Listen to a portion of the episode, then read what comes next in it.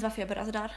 Varför börjar jag ett poddavsnitt så? Det är ju jättekonstigt. Våra poddavsnitt börjar alltid lika weird så att det är kör på. Förra veckan var det hej.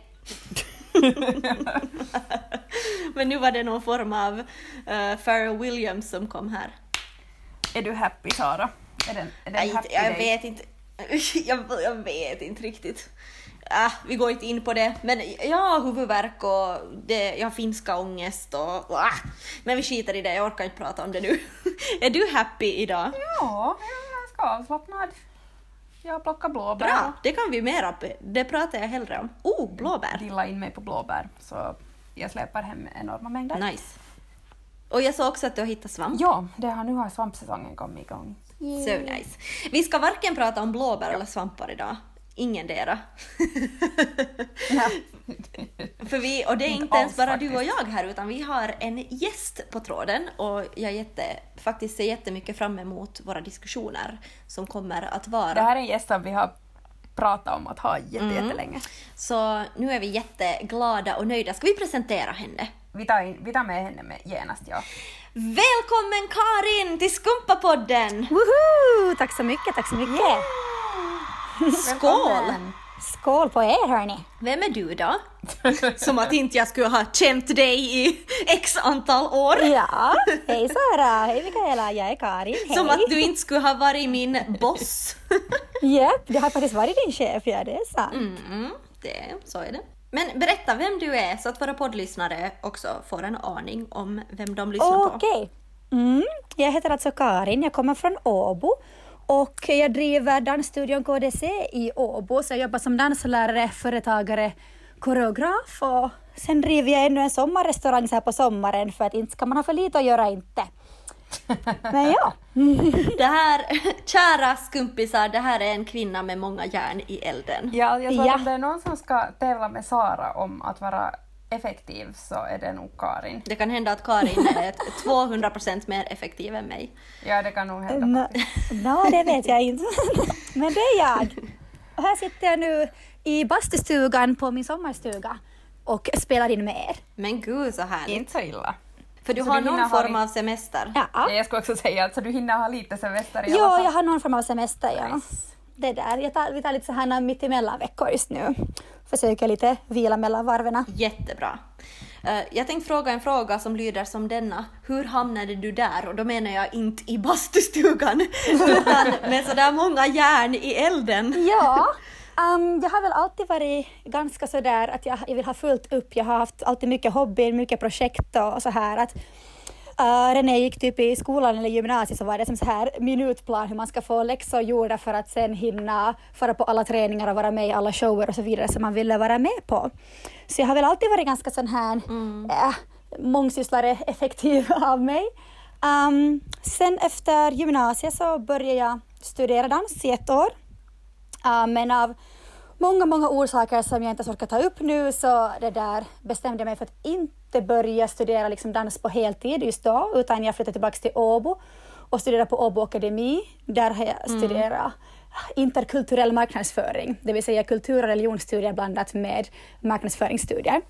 Vilket jag tyckte också var jätteintressant. Um, men jag dansade mycket på, på fritiden och startade upp egna danstimmar um, via ett musikförbund som sen får vidare till att jag började hålla timmar för dansskolor och på Arbis och så vidare. Och, eh, sen flyttade jag till London och så dansade jag där ganska länge eller en stund.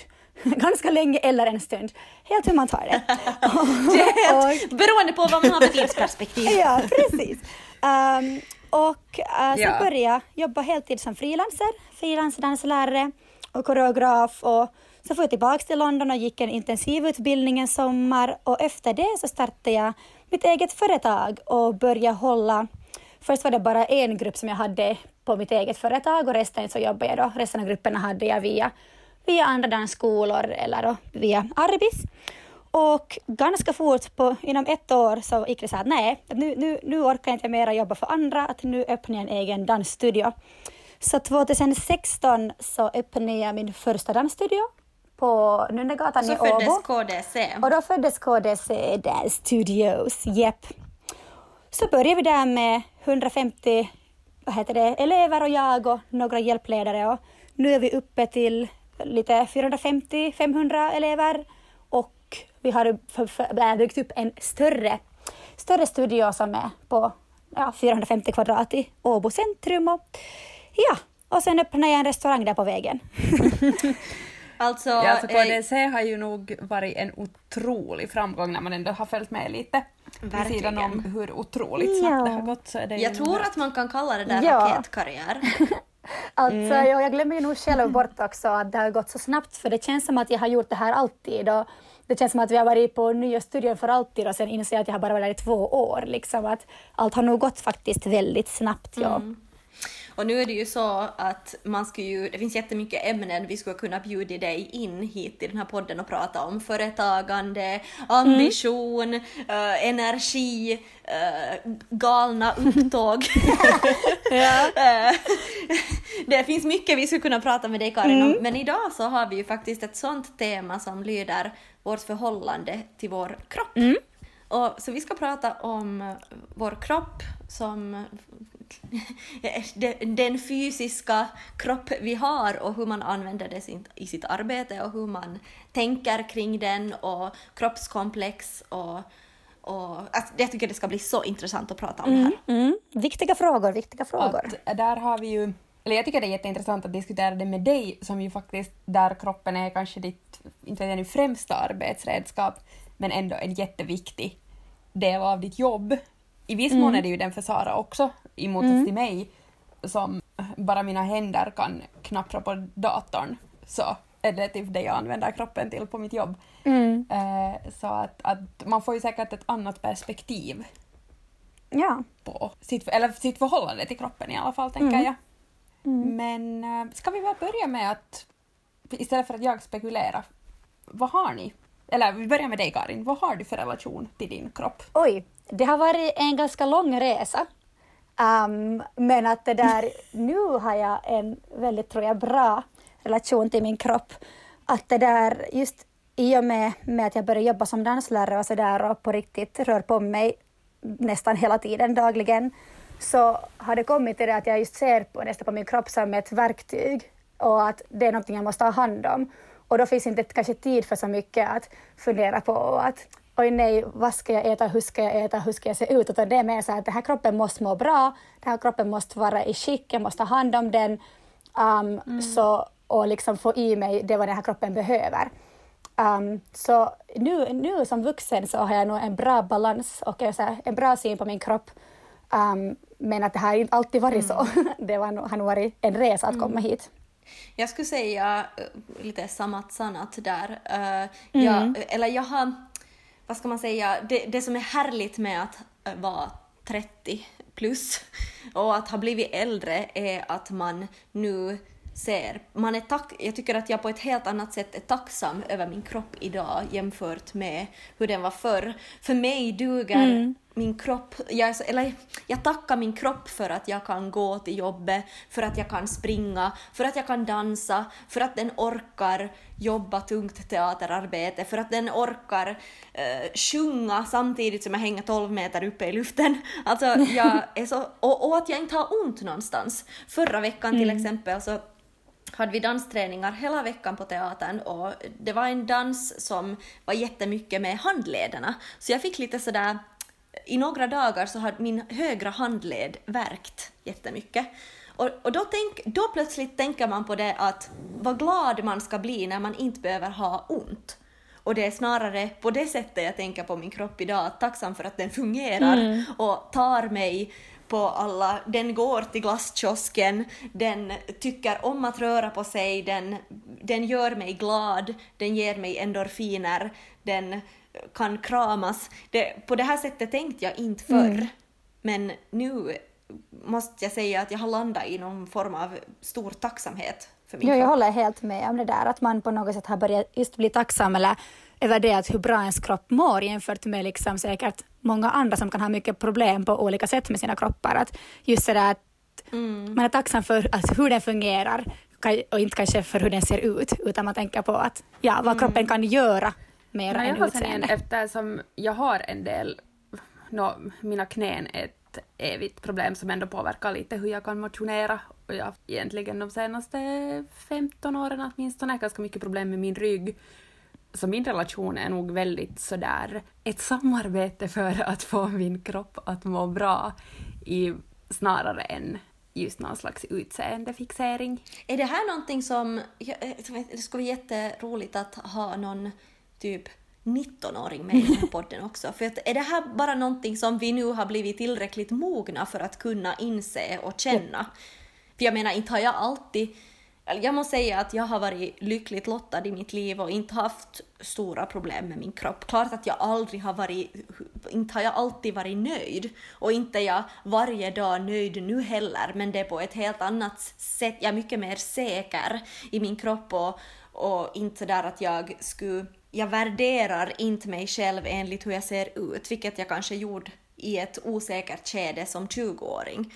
Ehm, men är det här... Vad ska jag säga? Är det bara det att vi har blivit tillräckligt mogna för att inse det här? Jag tror det. Jag tror det, Jag tror det ska jag vara helt- Aldrig, ja. Jag har sen igen all... Jag, Ja, ehm, jag skulle bara säga att jag tror att den här diskussionen ska lå- låta annorlunda om vi skulle gjort det för tio år sedan nu.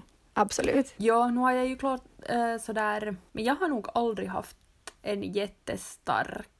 äh, jag vet inte hur jag skulle formulera det här utan, för att, utan att låta jätteskenhelig. Men jag har till exempel aldrig kopplat mitt egenvärde till mitt utseende. Inte ens när jag var 16.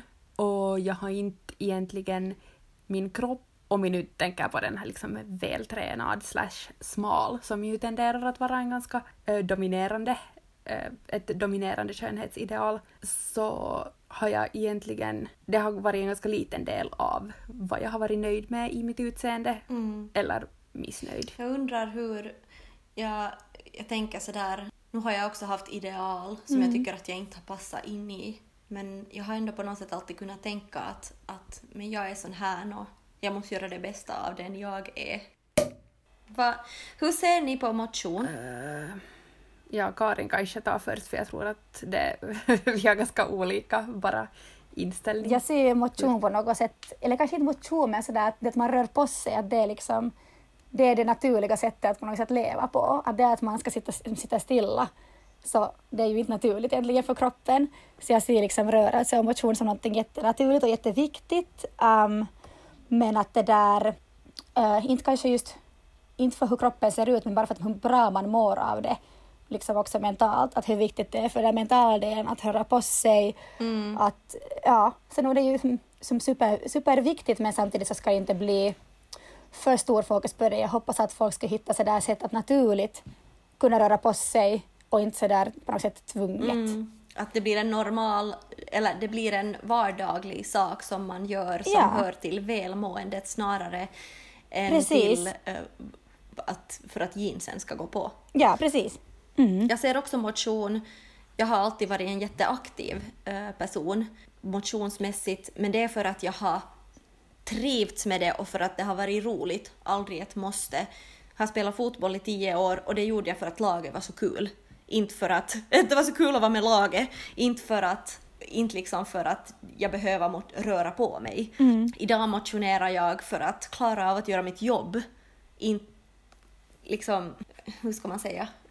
Jag motionerar för att jag ska klara av att göra mitt jobb och för att jag ska orka så pass, för att, min, för att jag ska klara av det som min vardag kräver av mig och som jag vill ha ut av mitt liv. Mm. Och, och jag ska ännu bara tillägga, Mikaela, att, att jag ännu, jag gör det också för min hjärna. Om inte jag får röra på mig så då kan inte jag tänka. På något sätt sitter det där jättemycket ihop. Det är inte för, för mig, alltså, jag hade också som barn, jag höll på med jumpa och ridning och dans. Och det gjorde jag ju nog alltid för att jag tyckte att det var roligt. Men på något sätt har jag inte lyckats ta riktigt den inställningen med mig in i vuxenlivet. Att nu känns nog motion alltid som någonting jag sådär måste göra. Det kan vara mindre jobbigt och mera jobbigt. Alltså det finns motionsformer som jag i princip tycker att det är helt roligt men då finns det alltid saker jag hellre skulle göra. Okej. Mm. Eh, att sen, sen att röra på sig i sådär, okej jag tycker om att gå på promenad bara för, uh, framförallt om jag får göra det ute i naturen.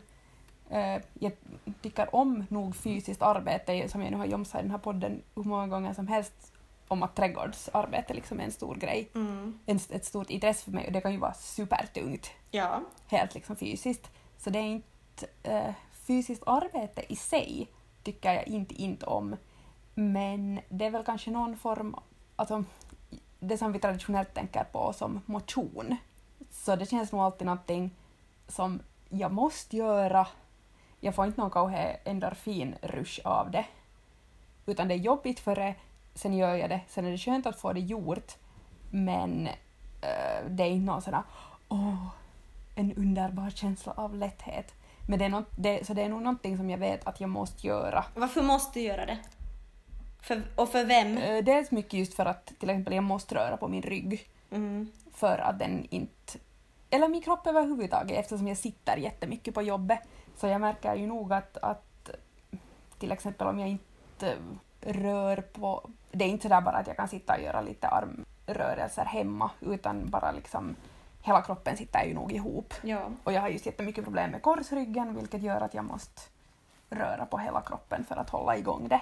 Men det känns ju nog alltid som... Det är lite nog som att ta hostmedicin. Oj. Hur känns det för dig då sen när du har gjort det? Du sa att du kan liksom sådär checka av det då. Men är det för Ja, att... Det är roligt, jag har helt som motsats. Ja. Ja. Eller som att jag har alltid tyckt om att träna jättehårt och liksom njutit av det och njutit efteråt och bara vill göra det igen på nytt genast ungefär. Alltså jag skulle jättegärna vara en sån människa men jag bara är inte. Mm. Jag tänker sådär nu när vi pratar om det där, för vem gör man det? Så jag har börjat på sistone fundera, nå, i och med också att vi, vi hade ett poddavsnitt ö, om sociala medier och hur vi tänker, så jag har nu plötsligt blivit jättemedveten om varför lägger jag ut en story när jag har sprungit sex kilometer och helt röd i ansiktet. För vem gör jag det? Är det för att jag vill visa till någon att nu har jag motionerat och är jätteduktig? Eller är det för att jag är stolt över, eller för att jag tycker att det är en härlig känsla och tycker om att lägga upp sånt på Instagram? Att, att för vem motionerar man då egentligen? För att jag vet nog att jag innerst inne motionerar bara och endast för min egen skull. För att jag behöver göra det för att må bra psykiskt och fysiskt och för att orka dansa do re mi med fem barn och kuddkrig runt mig. Så jag behöver liksom det för mitt Fast of- välmående. Men... Ofta med sociala medier så gör man ju det kanske av...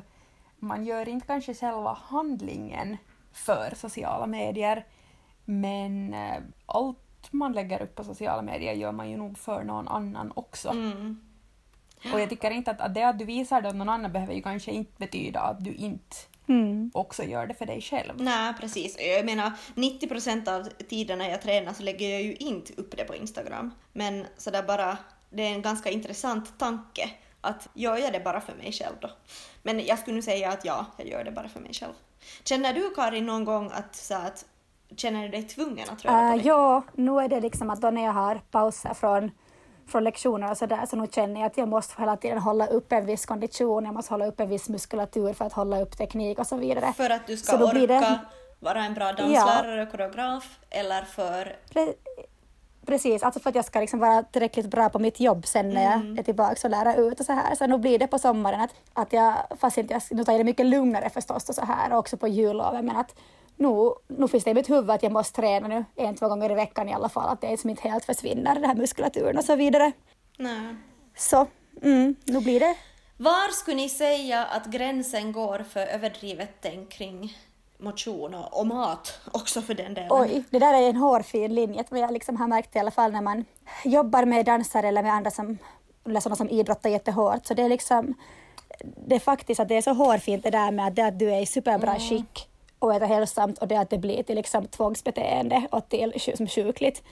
Så det är nog faktiskt. För det finns, ju alltid, det finns ju också ett krav, det krävs vissa saker Mm. av en och då måste man, då kan man inte äta hese varje dag och godis till frukost. Mm. För man måste tänka på att man får den där näringen. Ja, men det är nog, ja, som sagt, det är nog hårfint och sådär att man, men folk är jätteolika. Vissa kan idrotta jättehårt och fortfarande äta hälsa och godis och det funkar för deras kroppar att människor är så olika. Men att Ja. just kanske, jag tror, att, jag tror inte att sådana, sådana som kanske idrottar håller på med någon viss sport eller sådär, men att det är mera kanske sådana som håller på med fitness och sånt, att det är där som det på något sätt blir väldigt sådär ytligt eller så här bikinifitness och sånt här. Så där det ju handlar ju bara om dieter och, och hur, det, hur det ser ut och så här. Och, Så där tror jag det är liksom, Mm. det, det, det, jag är inte så jätteinsatt i det men att det känns som att det lätt kan bli på något sätt sjukligt och så här beroendeaktigt hur man äter och hur man tränar. Men där kommer ju genast det där att där är nimenomman utseende en del av, vad heter det, Ja, precis. tävlingsprestationen egentligen. Mm. Innan vi pratar mer om kroppskomplex och hur de uppkommer och hur man, hur man ge- ger föda åt dem och hur man försöker tynga bort dem så uh, skulle jag vilja fråga den här frågan. Har ni någon gång fått höra, höra någonting negativt om er kropp från någon annan? Oj, vilken fråga. Jag har nämligen, om jag, jag försöker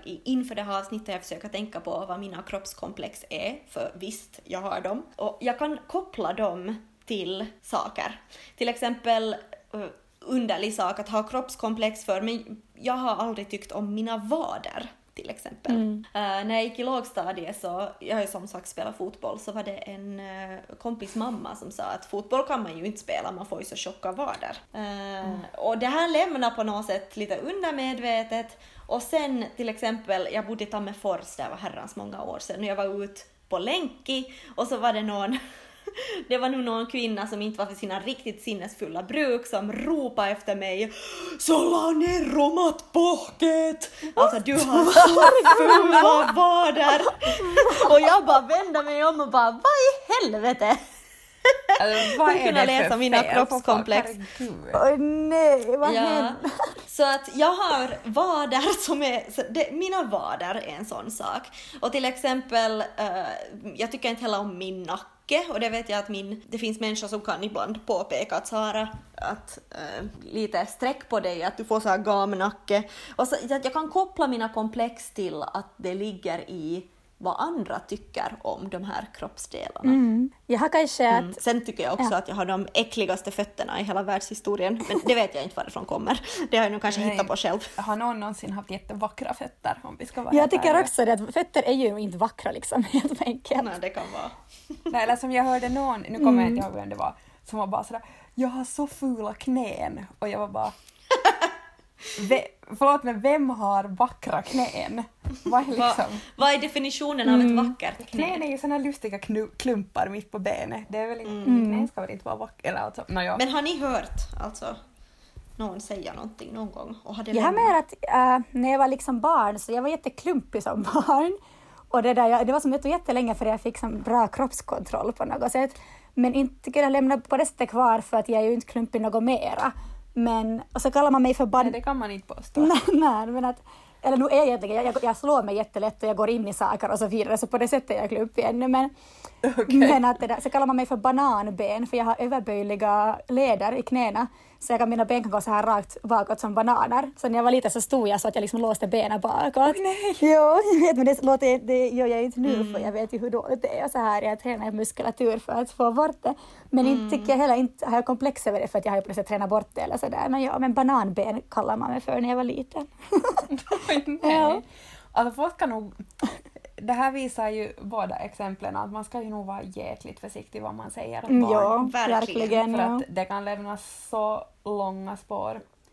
Jag har faktiskt inte något konkret minne, men jag, det var för några år sedan så gick jag ner jättemycket i vikt. Eh, dels därför att jag tränade ganska mycket och sen var jag jättestressad och mådde nog inte sådär jättebra så jag bara liksom rasade i vikt faktiskt. Mm. Och det var ju inte jättestor till att börja med heller, så det syntes faktiskt. Och då var det alltså bara mängden människor som, kommenter- som plötsligt liksom kommenterade min vikt och kommenterade min kropp. Oftast nog, man får ju alltid jätte sådär oh wow, du har gått ner. Att det är någon, att det Och då har jag aldrig tänkt på mig själv som en människa. Ja, och då har jag aldrig tänkt på mig själv som en människa som skulle ha sådär extra... Eller vet du, jag förstår att väg, är man så på riktigt överviktig och att det börjar påverka hälsan och så gör man sådär ett medvetet val att okej, nu ska jag gå ner i vikt och man liksom gör sin viktresa som någon slags... Eh, man ser det själv som någonting positivt, så fine. Då, då kan det ju vara någonting man grattar någon för.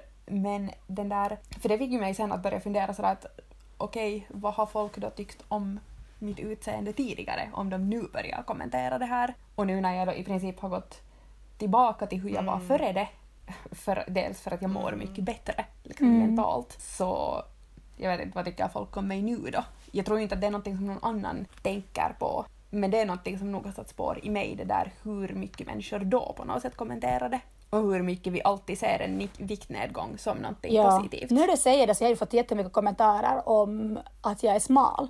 Att det fick jag som tonåring så, där, så då var det, fick jag höra jättemycket att du är så smal, du är så smal och sådär. Och nu blev det ju liksom på det sättet inte komplex men att man blir ju trött på att höra det för så var man så att ja men jag är smal, liksom, låt mig vara. Att liksom på det sättet, det, det har jag fått höra mycket om. Ja. På det, sättet att man, det är någonting på något sätt att det godkänns att man, man det här just äh, säger kommentarer om folks vikt när den är liksom låg eller när folk är smala. Men man säger ju aldrig åt andra hållet. Och så här. Men att det där, så det, det ska folk komma ihåg att man ska kanske inte gå omkring och just kommentera folks äh, Överhuvudtaget vikt eller smalhet. folks Eller. kroppar. Ja, precis! Folks kroppar, ja. Precis. Det blir, det blir liksom en sån här, det blir en sån liten skrott i huvudet. Jag var en gång i en bastu. Det här var efter en teaterföreställning och hela ensemblen var där i bastun och jag kom in och det var sådär att vi alla var nakna i bastun. Uh, jag kom in och så det första jag får höra är ett Wow Sara! Jag bara va?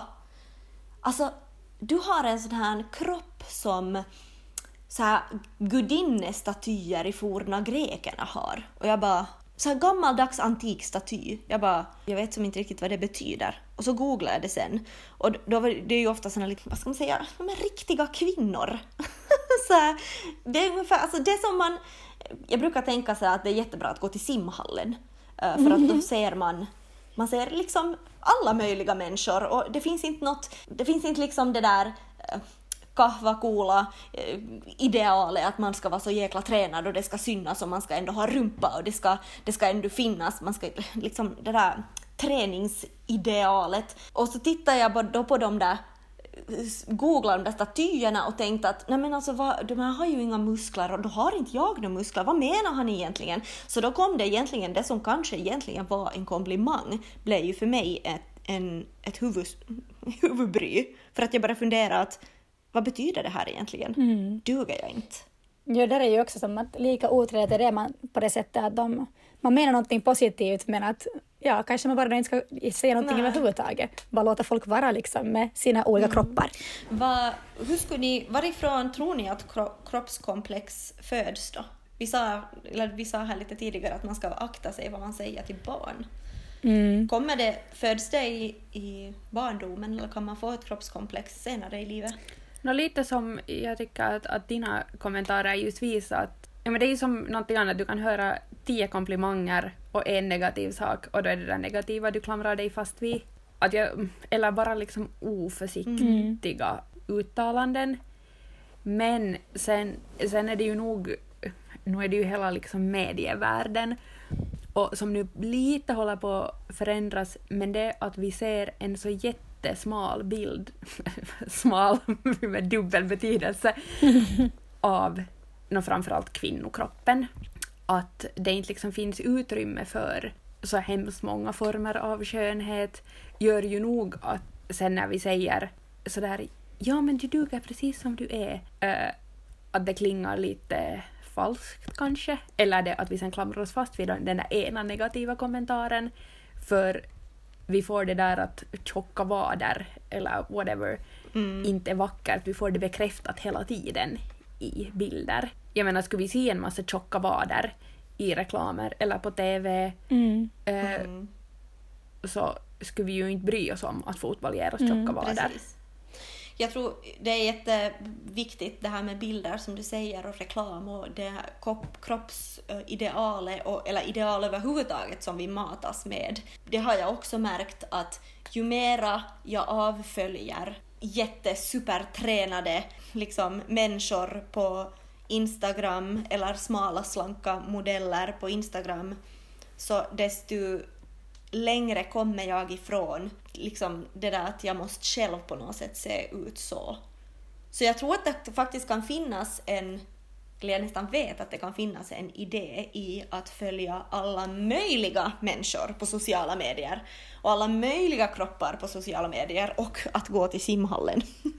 att, För att man föder ju man föder ju ett monster Och sen annars. det där med liksom...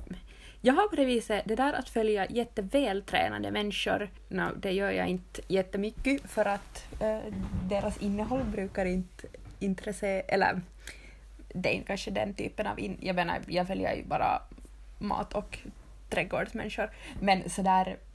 För att då ser alltså typ träningskonton eller träningsbloggar eller vad då ser du ju det där arbetet som går in i det.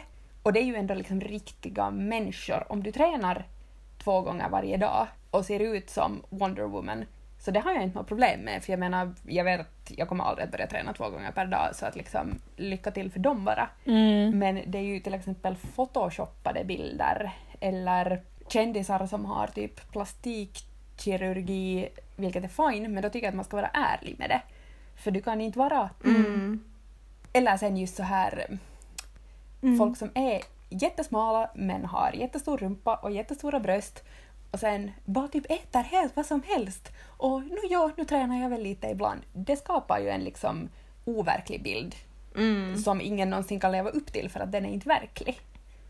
Eller Det folk som bara jag är- photoshoppar sina Instagram-bilder till exempel. Precis. Och det tycker jag är jättenice nu när det har börjat komma på sociala medier sånt att titta, så här kan jag se ut. Men sen åt jag frukost och då kan jag se ut så här. Att, eller sen så ändrar jag en vinkel och då kan jag se ut så här.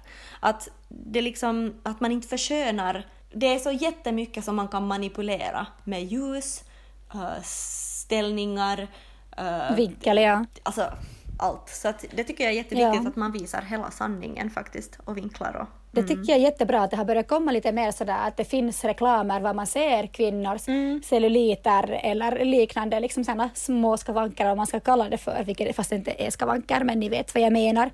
För att nu minns jag att när man har varit liten... Bara det är vanligt, att, det- ja. precis som det gör att, att byxorna, om man sitter och har spända jeans så då åker magen över. Ja. Alltså så är Precis. det. Eh, För att jag tycker, Eller just ja, det där när man att inte som, photoshoppa att, man, bort. att man ser det i vardagen. Mm.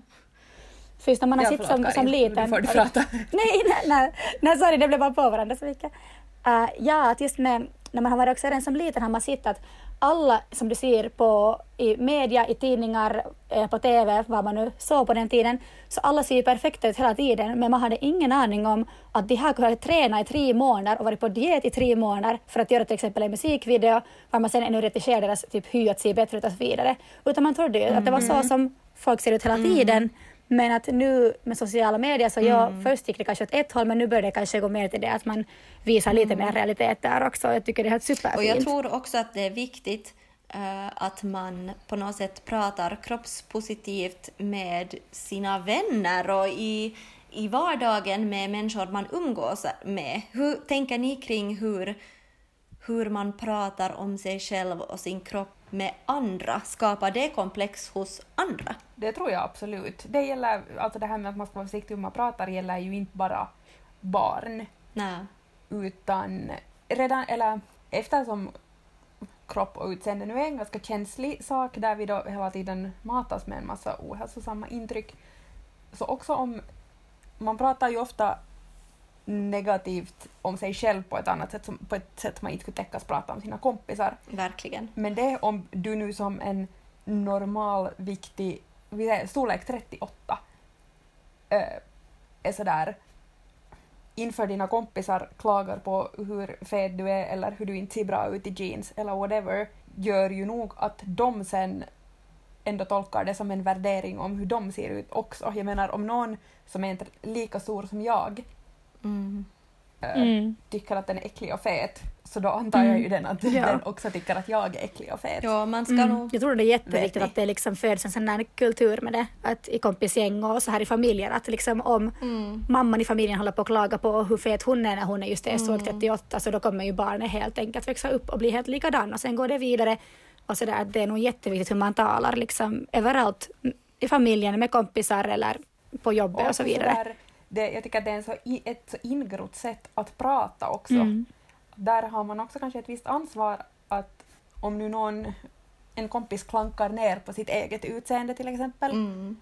så att säga till att Mm. sådär, hej, du ska inte låta dig trycka ner, tryckas ner av samhällets skönhetsideal. Jo, det känns som att det liksom är lite sådär, det är på något sätt just en kultur att man är sådär att, att ja, men jag är så tjock eller man, man räknar upp sina fel och det är på något sätt jätte, som, det, det är vanligt att det på något sätt förväntas eller sådär och det är ju helt jättehemskt och så borde det absolut inte vara.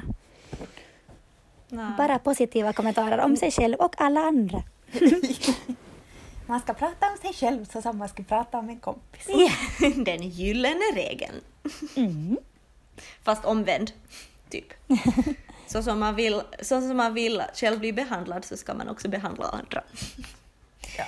Men Karin, du som jobbar med ungdomar, Mm. är det här någonting du tänker mycket på? Ja, faktiskt. Um, jättemycket. Ja, jag känner jättemycket mitt ansvar, speciellt inom dans. Så det, är så, det är ju jätteutseendeFixerat för att det är på något sätt visuellt det vad du gör. Att det ska liksom, du ska inte bara göra prestation utan det är liksom hur det ser ut som är det där viktiga. Um, du tränar framför en spegel hela tiden. Um, ofta är det, kläder kan vara ganska sådär tajta och små som man har på sig på scen och på tävlingar och så här. Inte nu alltid men att inom vissa uh, sådär genrer av stilar och sådär. Och, och ja, och det är jätte, jättevanligt med ätstörningar och liknande problem med just bland tonåringar. Och det kan börja i helt jätteung ålder, så jag är jättemedveten för att jag är nog medveten också om de här problemen bland de här tonåringarna och så här och, och ungdomarna. Så ja, jag är nog jättemedveten om det och tänker på att hur jag, hur jag uttrycker mig och på något sätt sådär, ja, att försöka få att alla ska känna sig bekväma. Hur ska man, för det finns ju, det är så, det är så, det är så svårt med just den här branschen. Mm. Sådär, hur ska man, hur, hur, hur säger du till dem då? Om de är sådär att, typ, du hör till exempel att Lisa säger till uh, Mona att nej, jag, jag vill inte ha en mellanmålsmörgås för att jag måste lite tänka på vad jag äter. Vad, vad säger man då? No, det beror helt på, på åldern, men att om de är unga så jag brukar nog kontakta deras mammor eller som föräldrar och diskutera igenom att nu har jag börjat märka ett sånt här beteende. Eller jag också om jag märker att någon har gått ner mycket i vikt eller någonting så brukar jag kontakta föräldrarna och sådär att hej, att är allt där hemma, har ni märkt någonting och så Okej, här. det är ju helt jättebra. Ja, att jag brukar ta det via föräldrarna när de är Det är unga. jättebra. Sen har vi ibland sådär har jag gjort att liksom jag har pratat med någon, någon som fast går som, som är kanske liksom vuxen men ändå inte deras lärare att hej, skulle du kunna gå och tala med den här för att jag känner att jag kanske blir för sådär på något sätt stor auktoritet för dem som deras danslärare. Så att, då liksom, att man istället tar några så här personer emellan, alltså det handlar om vuxna människor och så att hej, skulle du kunna gå och prata med det här om den och så där på något sätt att för att de kanske är lättare att öppna upp till någon som är på, på samma våglängd med dem eller sådär. Så ja, så nu, det är nog ett projekt på något sätt att ha koll på så här många unga flickor. Det förstår jag. Och ett stort Och det är jätteviktigt ansvar för mig. på det sättet. Mm, det, Har vi något... eh, jag vet Mm. nu inte alls vilka personliga erfarenheter ni två till exempel har gällande personer i er egen närhet eller sådär. Men har ni några konkreta tips som ni har, nå kanske du Karin som åtminstone har haft med det här att göra.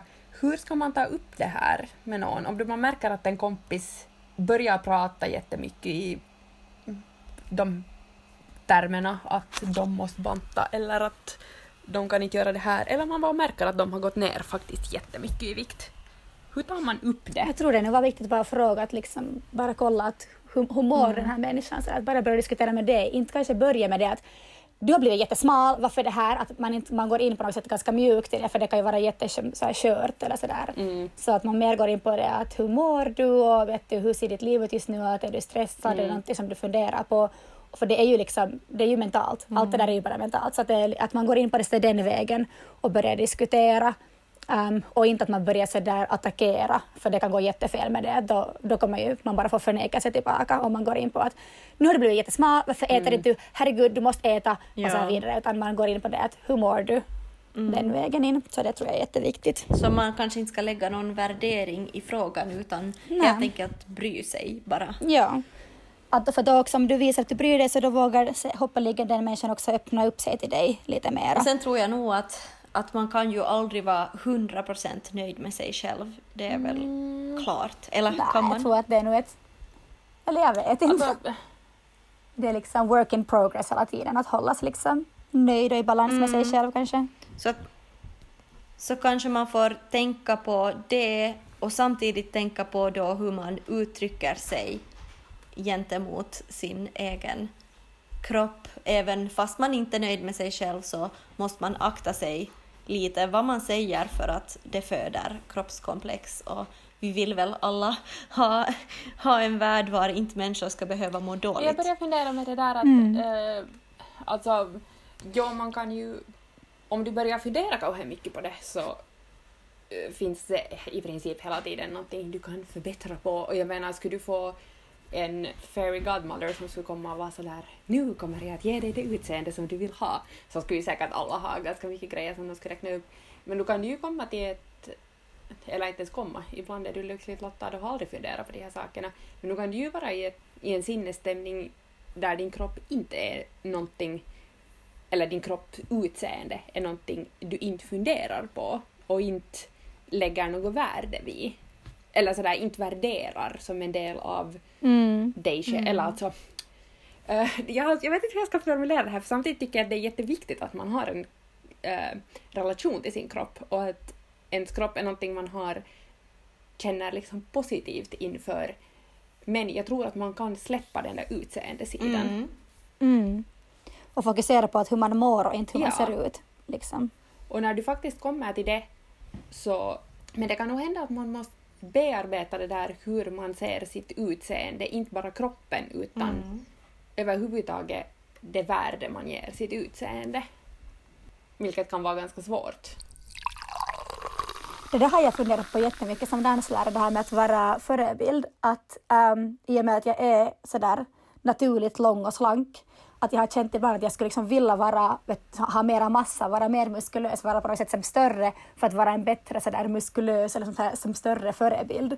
Och sådär, att, jag, att det har varit som sådär, nästan inte komplex men för mig, men sådär, lite att jag känner att jag, är- jag är som inte där tillräckligt bra förebild för att jag Mm. är för slank eller sådär. Det är ganska intressant hur det kan gå den För vägen där, också. Jag vet inte hur man... Hur förhåller... Är det här nu... Jag tycker att, att det finns en viss rörelse inom och, kroppspositiviteten som... Ja, hur förhåller ni er till sådär kroppspositivitet som någon slags filosofi? Mm, jag tycker ju det är jättebra att det har kommit upp en sån scen också, så att det faktiskt inte bara är de här fitnesskontona. Men sen kanske jag kan ha lite problem med att glorifiera till exempel övervikt. Mm. Ehm, för att jag vet att det inte är bra heller. Att det måste ju finnas en... Det är den där... åh, jag vet inte. Är det en hårfin linje då? Jag vet inte. Um, alla, sanningen, om det finns någon sanning i det här, är väl att alla ska vara så precis som de känner sig bekväma med sig själv, utan att någon ska behöva stå med någon pekpinne. Men till exempel, vi kan ju diskutera BMI när man går till på sån här työtulon tarkastus, så att man går till hälsovård, arbetshälsovården när man till exempel har börjat på ett nytt jobb och de tar, räknar ut ens BMI och de säger, tittar på mig och säger att jag är överviktig, då blir jag ju nog sådär, nej, vet du vad, du tittar nog på helt fel sak. Alltså det är så sjukt, BMI är på något sätt så Mm. outdated för det funkar ju helt enkelt inte. Och jag tycker det är jättehemskt att man nej, också... men de använder ju det ännu. Ja, ja. Jo, ja. Och just det att i skolan när man var liten så... Och till exempel man får Ja, alltså det, inte... det räknar ju inte alls med muskelmassa Nej. i princip. Nej. Utan det är bara liksom längd Så till vikt. exempel den där hälsovårdaren, den där hälsovårdaren som då tittar på mig så hon bara men om du säger att du ändå tränar på gym tre gånger i veckan och har ett aktivt jobb och så att inte inte skulle jag nu säga att du är överviktig då fast en BMI säger det. Och då tittar man ju nog på dem och bara alltså finns det inget viktigare vi kan koncentrera oss på här än att jag på den här tabellen Ja, Muka är överviktig. Eller, och det, är ju också, det kan ju också bli en, en diskrimin, diskriminering på det sättet att man inte kan få vissa eh, behandlingar om BMI över en viss, viss gräns och sånt här. Liksom, nu kanske jag refererar direkt till fertilitetsbehandlingar och sånt här, men det finns säkert mera också. Men ja, jag vet inte, det är så svårt med liksom, vad är kroppspositivitet då? Är det ett konto var, var jag vet inte ens hur jag ska prata om det här, jag vet inte ens hur jag ska säga det. Jo, det är nog jättesvåra Nej, ja, alltså mitt, min, äh, mitt problem kanske ligger att äh, jag tycker det är hemskt svårt att ha en positiv... Äh, det är som att slå huvudet i en tegelvägg. För å ena sidan tycker jag att, att allt Ja, som som har- säger, hur, man kan ju inte glorifiera det att man får äta en godispåse per dag. Det tänker inte jag Ja, och Jag har, glorifiera. att jag har kanske jättesvårt att få hålla mig... Eller jag tycker också den typen av kropps, kroppspositivitet lägger jättemycket fokus på kroppens utseende och det har jag på något sätt alltid Ja, svårt precis. med. Mm, Eller jag tycker att, att, att det, ja, det är en bra point. där är det också en hårfin linje mellan att se människokroppen som någonting vackert, också om vi går tillbaka till antikens statyer som ju liksom avgudar människokroppen. Ehm, Och som ju kan, om man bara tittar på hela konsthistorien, ju kan vara någonting jättevackert men samtidigt är det, där, är det nog jättesvårt att, att hålla det på något sätt endast positivt. Medan sen Eh, Men sen tycker jag ju framförallt för kvinnor, eller inte vet jag nu framförallt för kvinnor, men det är kvinnor jag brukar diskutera sånt här, är det ju jätteviktigt att just veta hur ens kropp mår och hur ens kropp fungerar och hur man just sådär samarbetar med sin kropp för att den ska må så bra som möjligt. Mm. Men kanske skulle man kunna sammanfatta det här med på något sätt att, att det skulle vara viktigt att flytta fokus från hur kroppen ser ut till hur den fungerar. Och att man kanske skulle kunna hitta en lösning på kroppskomplexproblematiken i och med att flytta fokus. Absolut, jag tror absolut på det där. Det tycker jag sagt hela, hela den här podden är bara det att fokusera på vad kroppen kan göra och hur den mår och inte på hur den ser ut. Så då tror jag också att kropp, då, då känner man sig, då mår man ju bra i sig själv, då blir man mer självsäker, då får man en finare glow och då ser du most likely också bättre ut. Det är liksom allt, allt, Ja. allt hör ihop. Och sen kanske det där att, att eh, hur individuella de här sakerna ändå är. Precis. Att också om man pratar om hälsa, jag menar nå, som nu jag, jag kommer säkert aldrig att tycka att, att, att det är kanske någonting som jag sen sådär på något sätt har dålig filis över att jag inte tycker att motion är så roligt som man borde tycka. Att det är, eller någon, jag menar, alla får inte jättemycket endorfiner av det. Uh, vissa människor måste, och just det där att du inte kan säga någonting om någons hälsa, vare sig du kan träna för mycket, du kan träna för lite, uh, du kan träna riktigt tillräckligt och vad riktigt tillräckligt är, är helt jätteindividuellt. För vissa människor räcker det att ta en promenad nu och då. Eh, för vissa för att de ska må bra och hålla att hjärn, också sådär att vet du, hjärnan ska kännas skarp och magen ska fungera så måste de gå till gymmet varje dag. Att inte bara, Superindividuellt. utseende, Mm, absolut. ja, inte bara utseendemässigt utan också rutiner och mående och sånt här är jätteindividuellt. Att jämföra sig med någon annan i något av de där frågorna. Så, så Ja, men det är ju det heter viktigaste egentligen, att man inte ska jämföra sig med någon annan i sådana frågor överlag. Precis. Det är ju liksom superviktigt för det är så himla individuellt med allt det här. Absolut inte jämföra Det tyckte sig. jag var en bra eh, ihopsnörpning av den, vår diskussion idag. Diskussionen är, Den är, är den snörpt. den är snurr. Du är Karin officiellt en skumpa, Woho! skumpis. Vad roligt! En skumpakompis. En, en skumpa En skumpa kompis. Vilken ära. Det har varit för oss en ära att du ville komma och Ja, dela med verkligen. dig av dina visheter kring det här. För att det är ju nog, det börjar ju nog i tidig ålder och du ser ju den här tidiga åldern och speciellt i ditt elityrke som med allt det du gör. Så att du är nog verkligen en expert inom Och ämnet. på också det för att det är nu inte något vi egentligen har vidrört men till exempel övervikt och brist på motion är ju ett jättestort problem nog i västvärlden för barn och unga framför allt. Så där gör du ju nog ett jätteviktigt jobb att göra motion liksom roligt.